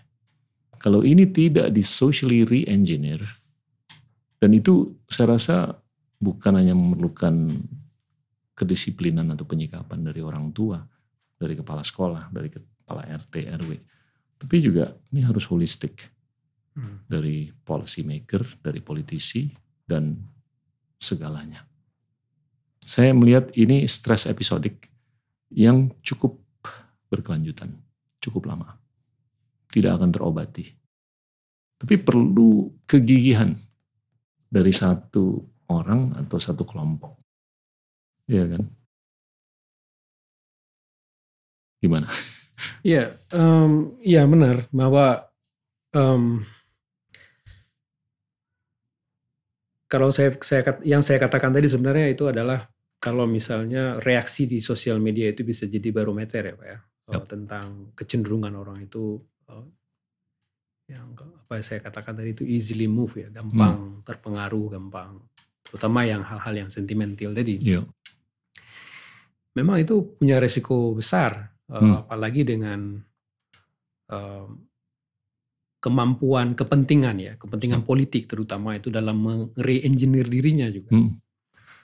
um, kita mungkin dalam tempat yang juga sangat kontekstual ketika kita misalnya menyinggung ini apa yang terjadi di Amerika negara yang sangat canggih misalnya dengan fenomena satu dia congressman ya Joe Santos misalnya. Joe Santos. Ya, Joe Santos. Ini kan itu dampak yang paling kelihatan gitu ya. Bagaimana dia itu bisa mengelola perasaan orang dengan kebohongan sebenarnya. Ya. Dia itu bisa menampilkan apa pun yang orang ingin dengar. Ya. Baik itu kelompok kiri maupun kelompok kanan. Dia itu sangat ingin. Ya kan? Dan kemenangan dia ini juga kemenangan eh, yang dia peroleh dari bagaimana dia Eh, memposisikan, mengapropriasi dirinya itu di di media sosial juga sebenarnya. Ini tentu uh, memiliki um, resiko besar di Indonesia ya. untuk mencari pemimpin yang real, real dalam arti memahami apa sebenarnya kerja pemimpin di dunia modern. Ya. Saya juga tidak berpikir bahwa kemungkinan kita misalnya memiliki Soekarno atau Gandhi ke depan itu masih mungkin, mungkin karena zaman sudah sangat ya. sangat berubah ya. Jadi harus lebih sabar aja. Ya, artinya kita mem memiliki pemimpin yang memahami apa sebenarnya kerja pemimpin modern itu. Hmm. Jadi kalau kerja pemimpin di di pemimpin apa yang di zaman kita ini sebenarnya kan based on service kalau saya pikir ya. ya, ya, ya. Tapi bagaimana dia bisa melakukan pelayanan kalau dia tidak memahami apa yang harus dia kerjakan, tupoksinya apa, nah, dan misalnya dia itu tidak memiliki bacaan yang cukup, itu juga itu mustahil. Yeah. Um, apa yang mungkin bisa direplika oleh um, orang dari pemimpin-pemimpin yang kita sebut karismatik dulu itu ya kemampuan mereka itu membaca sebenarnya. Hmm. Ini yang Mutlak. ini yang kita tidak itu punya sekarang masalahnya ini. Hmm. Yang orang yang mau membaca itu yang yang karena kecenderungan kita ini seperti saya katakan tadi sudah sangat maunya yang singkat, maunya hmm. real short. 140 karakter. 140 karakter. Jadi hmm. uh, tidak mau yang betul-betul menekuni satu. Hmm. Yang saya belajar dari antropologi ini tadi bahwa satu kata itu sebenarnya itu harus ditekuni bahkan harus melahirkan satu buku bahkan dengan satu kata saja ya. Dan ini yang um, di kita tidak kita miliki, mungkin juga sistem pendidikan kita juga tidak me mengacu ke sana ya Pak ya. Ya. Dengan model sekarang apalagi yang belakangan kita tahu bahwa segala hal itu menjadi sangat teknikal, Hmm. bahkan di ruang yang harusnya sangat pedagogikal itu menjadi sangat teknikal. Dosen-dosen itu harus mengejar angka, uh, kredit, uh, apa, mahasiswa itu menjadi kuantitas Hmm. bukan kualitas dan segala macamnya. Memang uh, ini ya seperti apa cara pikir Benjamin ya yang mungkin agak sedikit uh, melankoli ke depannya uh, bahwa yang kita sebut progres ini bukan ke arah jauh lebih baik malah ke ke Iya. kehancuran Iya. ya seperti itu Em, ya eh, saya mm, bahwa ini adalah satu kerja kolektif dan em, setuju dengan apa yang Pak Gita katakan tadi harus ada kesabaran di sini Iya. kesabaran eh, tapi juga em, penting untuk apa ya eh, untuk siap gagal juga jadi Hmm. jangan jangan jangan eh, terlalu ini karena memang eh, kepungan ini besar saya kira Iya. ya. Ya. Saya beberapa kali ditanya mengenai kepemimpinan. Dan jawaban saya semakin sederhana akhir-akhir ini. Bahwasanya aksi kepemimpinan atau didapatkannya seorang pemimpin atau kepemimpinan yang tepat itu adalah aksi yang kental dengan serendipity Hmm. atau keberuntungan. Dan itu termanifestasi di negara yang mungkin sangat miskin dan gak berkembang, tapi tiba-tiba muncullah sosok yang memiliki kombinasi dari segala atribut yang dibutuhkan untuk mentransformasi negara tersebut dari miskin berkembang menjadi maju sekali. Namanya Singapura. Contoh satunya di ekstrim sebelah spektrum itu adalah di mana di negara maju yang semestinya semangat kelembagaannya itu indah. Tapi tetap aja muncul sosok atau pemimpin yang kayaknya lebih cocok di negara miskin atau negara berkembang. Iya kan? Gak usah sebut negara lah. Oh ya, oke oke, Iya kan? ya, Dan itu menggarisbawahi bahwa jangan-jangan ini unsur keberuntungan itu bermain, ya kan? Jadi ya kita hanya bisa mengontrol mungkin berapa persen dari segala variabel untuk membuahkan kepemimpinan yang diinginkan atau yang bijaksana. Tapi ada tuh beberapa persen, mungkin satu persen atau 0,1 persen yang kita nggak bisa kontrol, yang sangat bisa mengubah bahwasanya pemimpin itu prophetic Hmm. atau dia sebatas sebagai statesman. Ya. Ya kan? Tapi dua-duanya itu bisa transformatif. Tapi kalau statesman itu lebih dalam konteks mungkin bisa mengeksekusi. Tapi kalau prophetic itu bukan hanya bisa mengeksekusi, tapi dia bisa melakukan quantum leap. Ya. Gitu. Ya memang um, Lee Kuan Yew itu satu fenomena yang extraordinary. Um, dia pemimpin yang karismatik tapi juga berhasil menginfluence uh, seluruh masyarakat dia saya kira pada waktu itu uh, menghegemoni pikiran mereka bahwa um, mereka itu um, dalam pon- pondasi yang apa namanya tidak uh, tidak aman sebenarnya. Kalau mereka itu tidak bergerak ke satu arah yang seperti itu. Iya. Mereka negara kecil Iya. uh, dengan etnis yang uh, juga sangat fragmented. Walaupun apalagi uh, misalnya walaupun yang mendominasi itu etnis uh, Tionghoa misalnya, um, itu juga bukan posisi yang saya pikir itu unggul di tengah um, geopolitik kita di Southeast Asia. Iya. Ya. Um, saya kita bisa bisa baca kembali narasi-narasi yang dimunculkan oleh Lee Kuan Yew bagaimana. Dan pada saat bersamaan dia juga memprepare dengan infrastruktur, dengan Hmm. tata hukum yang luar biasa. Tapi yang mau saya garis bawahi di sini ada awareness yang luar biasa dari orang Singapura Ya. untuk tidak melihat diri mereka itu superior. Ya. Problem negara satu lagi ini sudah tidak belajar lagi itu persoalannya.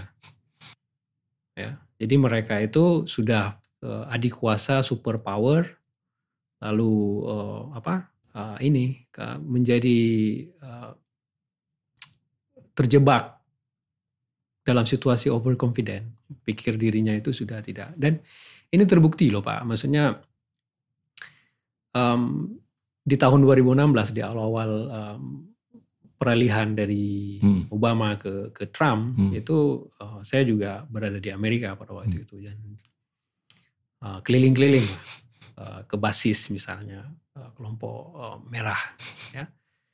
Uh, saya tidak melihat uh, fenomena yang terlalu berbeda dengan apa yang ada di Aceh dengan yang ada di Amerika dalam hal simbol misalnya. Hmm.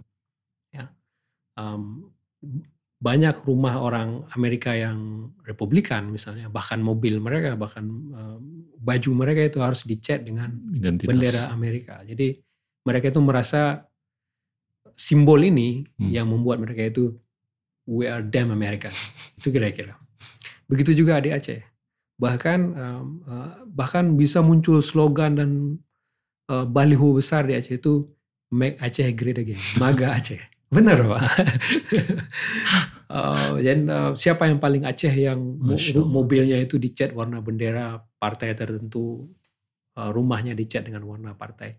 Jadi apa bedanya satu kampung yang mungkin tidak ada dalam tidak bisa didetek oleh peta dengan satu negara adik kuasa ketika uh, ya apa ada ada prosa ada perasaan overconfident yang yeah, iya. superior yeah. berpikir dirinya jauh lebih hmm. baik daripada orang lain itu hampir tipis yeah. sebenarnya kondisinya. Apakah kesadaran ini bisa muncul kolektif di Indonesia misalnya? Apakah kita bisa melihat bahwa kita itu sebenarnya juga insecure posisi Indonesia hmm. itu di, di di dalam peta dunia. Hmm. Masalahnya Indonesia ini kan narasinya selalu baik-baik saja. Yeah. Gak ada musuhnya, kecuali musuh kita itu di dalam. Gak pernah perang dengan orang lain, gak pernah ada konfrontasi selain yang dibuat Soekarno lucu-lucuan dulu misalnya ya kan. Tapi itu karakteristik untuk Asia Tenggara.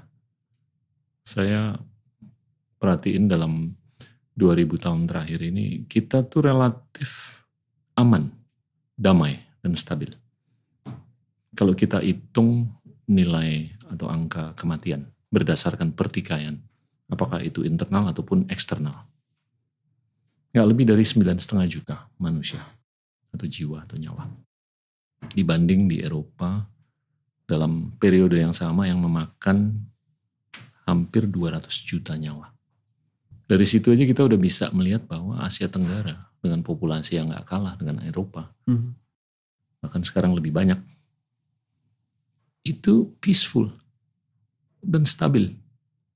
Tapi itu kalau menurut saya bermuara ke budaya pragmatis. Mendingan aman, harmonis, tentram. Tapi itu secara nggak langsung mengsekunderkan prinsip-prinsip yang nyambung dengan excellence. Apakah itu pendidikan, healthcare, welfare, dan lain-lain. Yeah. Nah, kalau Lee Kuan Yew itu dia bisa meramu antara budaya pragmatis agar harmonis, multi etnis, multi religi, multi ras, tapi dia juga mengedepankan budaya prinsipil. Lu mau keturunan India, Chinese atau Melayu atau Eurasian, lu harus berpendidikan. Excellence-nya itu ada. Hmm. Dan itu mungkin nyambung ke kalau kita lihat mantra narasi perkembangan atau pengembangan yang dinarasikan oleh PAP itu ada tiga kata yang selalu dikedepankan. Yang pertama tentunya kompetensi. Hmm. Dua, akuntabilitas. Tiga, integritas. Itu dari chapter awal sampai chapter terakhir. Tiga kata itu terulang. Ya. Dan itu dibuktikan oleh seorang pemimpin. Dari atas sampai bawah. Dan kelihatan kan kualitas public service, kualitas welfare, kualitas healthcare, Jadinya saya akhir-akhir ini justru agak-agak bingung gitu loh. Apakah demokrasi itu semata didefinisikan dalam konteks distribusi kekuatan saja agar hmm. setiap orang bisa nyoblos atau ini jauh lebih holistik termasuk distribusi atribut atau public goods lainnya yang esensial termasuk integritas termasuk intelek termasuk pendidikan termasuk kesehatan hmm. termasuk social value termasuk moral value ya, ya kan Gimana? Ya, se, tapi dengan apa? Pertama mungkin poin yang pertama tentang uh, violence tadi ya. Hmm. Saya karena saya tertarik juga dengan uh, tentang apa? Saya punya beberapa proyek ya selain tentang Islam, syariat Islam. Saya punya uh, juga apa? penelitian-penelitian tentang kekerasan terutama kekerasan negara. Mungkin kalau kita lihat hanya dari sisi angka itu mungkin mungkin ya misalnya kita reduksi itu ke angka apa yang terjadi di Asia Tenggara itu eh, kita komparasi dengan apa yang dilakukan oleh Lenin misalnya, oh, ya. Stalin terutama, ya. atau di Perang Dunia Pertama, Perang Dunia Kedua, Hitler itu mungkin dari tapi um, kekejaman yang tidak kurang sadis itu dilakukan oleh Pol Pot, Lon Nol, oleh uh, itu itu bukan oversimplifikasi tadi. Ya. Saya hanya mau membuat poin bahwasanya di Eropa itu yang uh, sering kali enggak, ini yang saya kita. mau tambahkan adalah uh, yang harus kita lihat bahwa Eropa itu uh, tidak denial dengan itu. Ya. Jadi ada upaya untuk berdamai dengan masa lalu dan kemudian mereka karena ada upaya itu um, kemudian rule of law-nya itu bisa Nyata. terimplikasikan. Singapura mungkin tidak punya sejarah kekerasan ya. yang sama dengan beberapa negara tetangganya. Ya. Problem di Indonesia adalah kita itu ya karena kepentingan harmoni tadi, ya. itu tanpa sadar kita itu betul-betul uh, dalam posisi orang yang melakukan dehumanisasi. Ya. Ya. Apa itu dehumanization? Sebenarnya ya. dehumanisasi itu ya menganggap ya misalnya terjadi satu peristiwa ya kita sama sekali tidak ingat itu. Misalnya tanya sama um, uh, siapa uh, army army general di Indonesia itu apa yang pernah bertugas di Aceh. Mereka tahu hmm. nggak hmm. um, siapa yang sudah terbunuh di Aceh segala macam atau tanya sama para pemimpin GAM berapa banyak orang kampung yang sudah tidak ada karena ada mereka Apakah mereka ingat namanya? Ya ketika kita tidak ada memori tentang itu, itulah yeah. dehumanisasi. Kita oh. tidak membuat mereka menganggap mereka itu manusia. Ini terjadi di banyak tempat di Indonesia, bahkan sedang berlangsung mungkin di Papua sekarang. Yeah. Nah, um, tidak adanya upaya untuk memberi pengakuan terhadap apa yang terjadi hmm. pada masa lalu itu tidak ada cara sebenarnya untuk kita yeah. itu bisa tidak mereplikasi apa yang terjadi seperti itu tidak terulang lagi. Dan tanpa ada upaya itu saya pikir yang namanya penegakan hukum itu akan selalu menjadi will put into question. Singapura, serendipity-nya Singapura adalah mereka tidak punya dosa masa lalu. Ya, itu yang yang itu. Ya. Dari perspektif itu eh, mereka sangat menang, maka kemudian contoh itu betul bisa dimunculkan oleh seorang Lee Kuan Yew. Dia bisa yeah. bisa menjadi muncul sebagai seorang pemimpin yang punya uh, martabat uh, dan um, itu dia tunjukkan juga dengan bahkan ini jujur saya katakan uh, tahun 2019 ketika anak kedua saya lahir kebetulan lahirnya di Singapura. Mm -hmm. um, istri saya itu melahirkannya di rumah sakit yang sama pada waktu almarhumah Ibu Ani Yudhoyono dirawat. Hmm. Jadi saya, saya ingat sekali. Uh, okay. uh, anak siapa uh, perdana menteri Singapura, eh, anaknya Lee Kuan Yew. Uh-huh. Lee Hsien Loong. Ya, dia datang bersama istrinya Siap. untuk berkunjung ke situ. Jadi kira-kira kita bisa melihat bagaimana uh, penampilannya. Nah ini yang saya tidak lihat itu di uh, di Indonesia dalam skala rank apa pun ya ketika orang misalnya sudah menjadi pejabat negara biasanya itu uh, sulit sekali itu untuk tampil seperti orang biasa. Nah ini ini yang uh, apa sosok-sosok seperti ini yang mungkin membuat bagaimana orang Singapura itu kemudian bisa melihat bahwa uh, yang mereka sebut pemimpin itu memang betul orang yang melayani kepentingan ya. orang banyak. Um, itu sangat terefleksi, apalagi misalnya uh, dalam latar belakang saya sebagai antropolog, saya akan senang sekali melihat dari hal-hal yang lebih kecil, bagaimana seorang sopir taksi misalnya membawa kendaraannya, hmm. um, bahkan di tempat-tempat yang tidak mungkin bisa kalau kita bilang bahwa di tempat yang sangat mungkin orang melakukan pelanggaran terhadap pelaturan lalu lintas segala macam itu tidak dilakukan. Karena karena kenapa mereka taat pada hukum bukan karena mereka takut pada negara tapi karena mereka yakin bahwa dengan itu mereka bisa menjaga ikut turut menjaga negaranya hmm. itu sering saya bicara tukar pendapat dengan hmm. sopir-sopir taksi di sana tuh karena rata-rata orang yang sudah sangat senior yeah. jadi kita bisa lihat apa yang mereka uh, apa namanya bicarakan tentang negara mereka. Mungkin susah sekali kalau hal yang sama itu kita bicarakan dengan teman-teman kita yang juga bawa kendaraan uh, taksi yeah. Indonesia yang keluarnya rata-rata uh, uh, komplain ya. Tapi oke, okay. saya mau mau balik lagi ke tadi yang udah kita bahas bersama. Bagaimana menurut anda untuk bisa lebih secara optimal merekonsiliasi antara budaya prinsip dengan budaya pragmatisme agar Indonesia itu bisa maju. Ya mungkin contoh kecilnya Singapura. Iya memisahkan, saya pikir harus ada garis demarkasi yang jelas ya. bahwa harmoni itu ada di keluarga. Siap. Ya. Kalau mau bernegara, kita harus prinsipil. Ya. Ada harus harus jelas uh, law law enforcementnya itu seperti apa. Ya, negara kita itu bukan negara yang lawless country ya. ya. Uh, tapi malah terlalu banyak peraturannya. Cuma masalahnya law enforcernya itu yang punya masalah. Nah, ini yang terus-terus uh, kita lihat. Uh, hmm. Bagusnya sekarang ada sosial media juga harus kita apresiasi ya. Hmm. Jadi dengan adanya hmm. sosial media itu juga ada satu apa ruang bagi masyarakat untuk melihat hmm. bahwa ini ada problem dan mereka itu hmm uh, apa berpartisipasi dalam bersuara. Um, ya ini mengembalikan prinsip negara penting bahwa kita bernegara ini ya karena uh, negara kita ini cita-cita idealnya adalah negara republik yang melihat bahwa semua orang itu sama di hadapan hukum.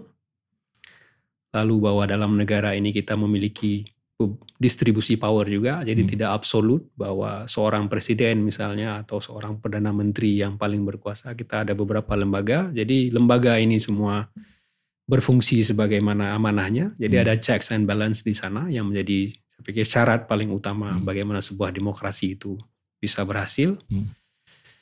Uh, ya upaya ke arah situ, Pak, yang paling penting. Uh, dan masyarakat itu harus tahu haknya itu hak dan kewajiban tentu saja ya. Masalahnya di kita itu orang tidak tidak haknya aja tidak. kewajibannya. itu.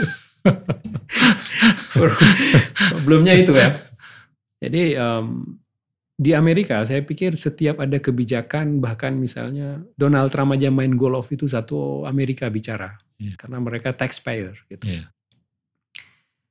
Nah, apakah orang Indonesia itu tidak terlalu uh, atentif dengan perilaku para pemimpinnya dalam memanfaatkan uang pajak. Apakah karena orang Indonesia tidak bayar pajak? Kecuali dalam dua hari ini ya yang saya baca sedikit di sosial media ada ada apa ada kemarahan terhadap perilaku pejabat pajak. Tapi jauh-jauh hari saya pikir sedikit sekali orang yang berbicara bahwa uang dalam pengelolaan negara ini sebenarnya uh, banyak diambil dari apa yang menjadi hak orang Kadang-kadang orang-orang tidak tahu dia misalnya di, dia tidak punya usaha atau dia bukan pegawai negeri jadi merasa ya tidak bayar pajak. Padahal dia tidak paham ketika dia beli gula atau dia beli beras yang harganya misalnya harusnya 10 ribu tapi kemudian harga jual 14 ribu. Kenapa? Karena ada pajak pajak negara. Kenapa ada pajak negara di situ? Uang itulah kemudian negara ini uh, apa public service dan segala macam itu dijalankan. Jadi sebenarnya semua orang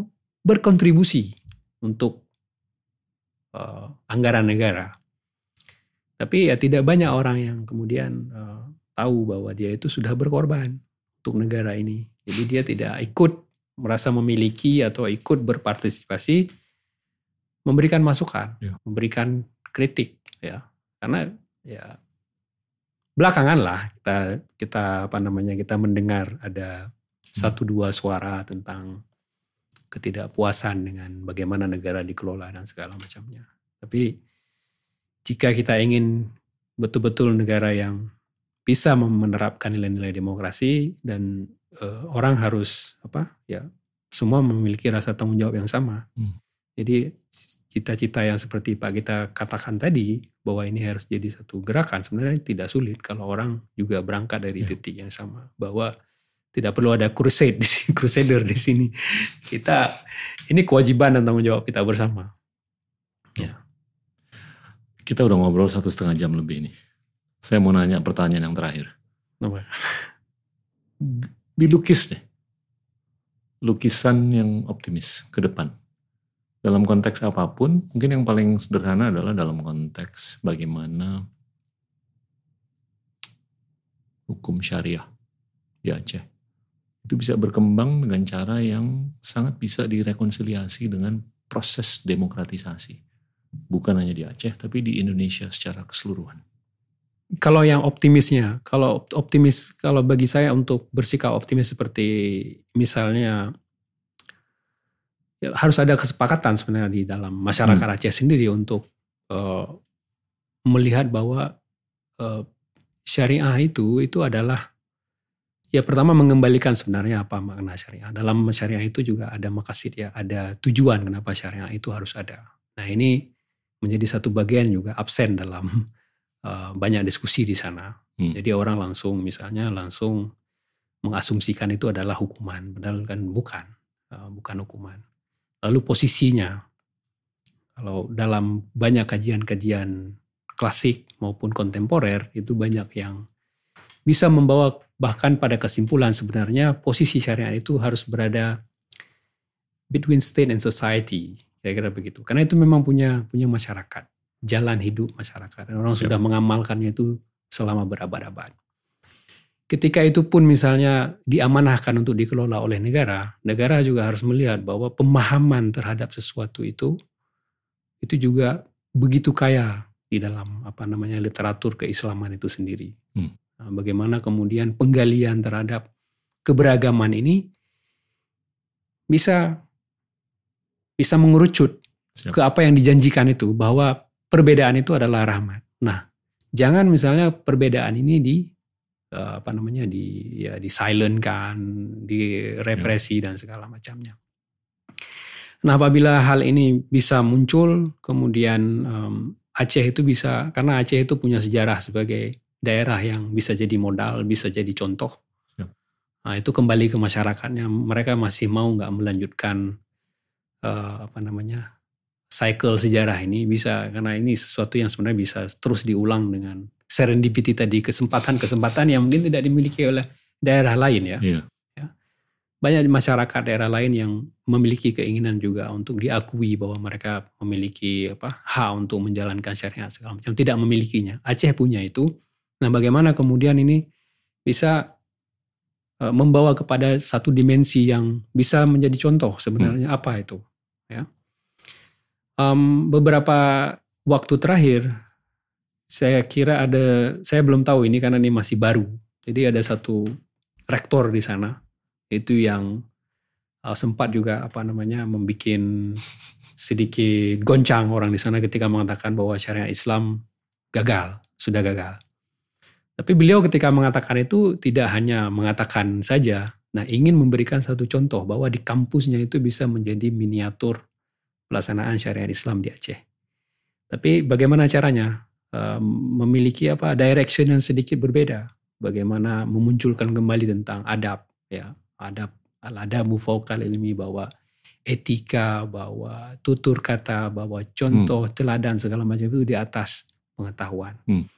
Kemudian bagaimana um, melihat potensi-potensi kajian apa sih in the beauty of Islam yang yang begitu diapresiasi oleh dunia itu sebenarnya hmm. ya Ya, misalnya representasi Islam di Amerika itu kan bukan uh, bukan bukan Syekh, bukan Habib, bukan apa. Ini uh, Muhammad Ali bahkan, ya seorang petinju misalnya. Yang ketika kita bicara tentang Muhammad Ali, orang akan punya satu perspektif Islam yang sangat berbeda di di Amerika. Atau di dunia yang lebih besar misalnya uh, Habib misalnya yang sekarang ya, wrestling itu ya. Atau tim sepak bola Maroko seperti kemarin. Hmm. Jadi uh, tidak melulu itu harus uh, dari berbasiskan satu organisasi agama, oh, DJ institusi Khalid. agama. DJ, ya, DJ Khalid. Ya, artinya setiap orang sebenarnya memiliki uh, peran yang sama hmm. dalam mempromot Islam dengan segala uh, apa latar belakang yang dia miliki. Hmm. Asal dia setia dengan apa yang sebenarnya dicita-citakan oleh Islam itu. Nah ini punya gaung yang jauh lebih besar daripada kemudian simbol-simbol uh, dan saya pikir, nah apa yang yang dimiliki oleh Aceh Aceh punya sejarah Islam yang sangat luar biasa, bahkan punya begitu banyak literatur yang belum digali, tapi hmm. manuskrip misalnya di Aceh itu luar biasa koleksinya hmm. pak.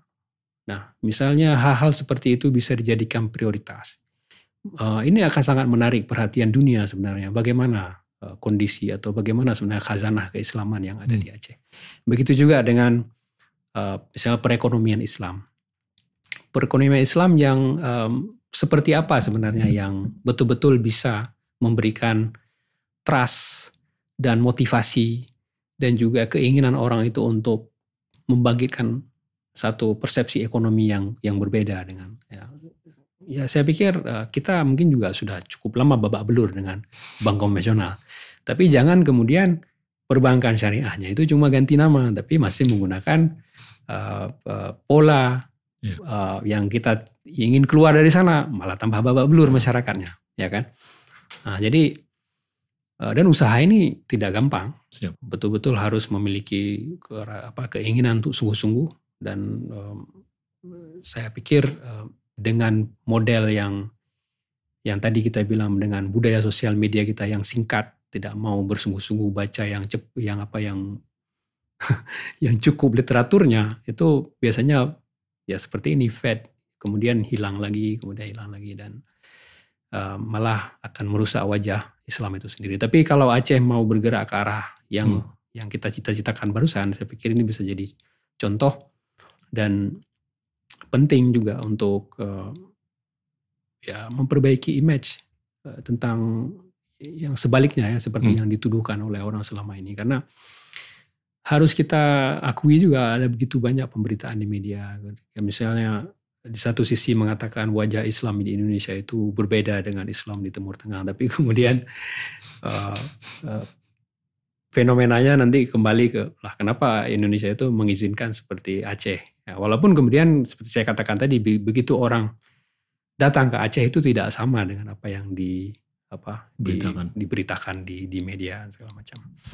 Jadi um, saya optimis bahwa misalnya dengan ada satu rektor yang sudah berani berbicara seperti itu, semoga ini bisa dibuktikan juga Uh, lalu ada masyarakat juga yang tergerak untuk melihat bahwa ada satu potensi yang kita sudah miliki. Hmm ada serendipity situasi dan keadaan yang mungkin tidak dimiliki oleh daerah lain sehingga kita punya kenapa enggak kita bikin itu menjadi satu hal yang yang yang yang apa fenomenal mungkin ya yang bisa memberikan uswatun hasanah kalau pakai bahasa agama satu contoh yang baik bagi dunia.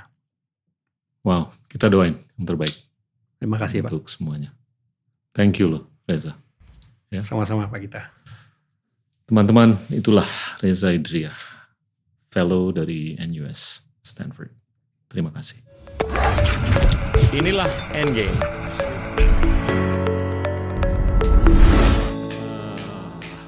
Top. Mantap, mantap. I enjoyed it a lot.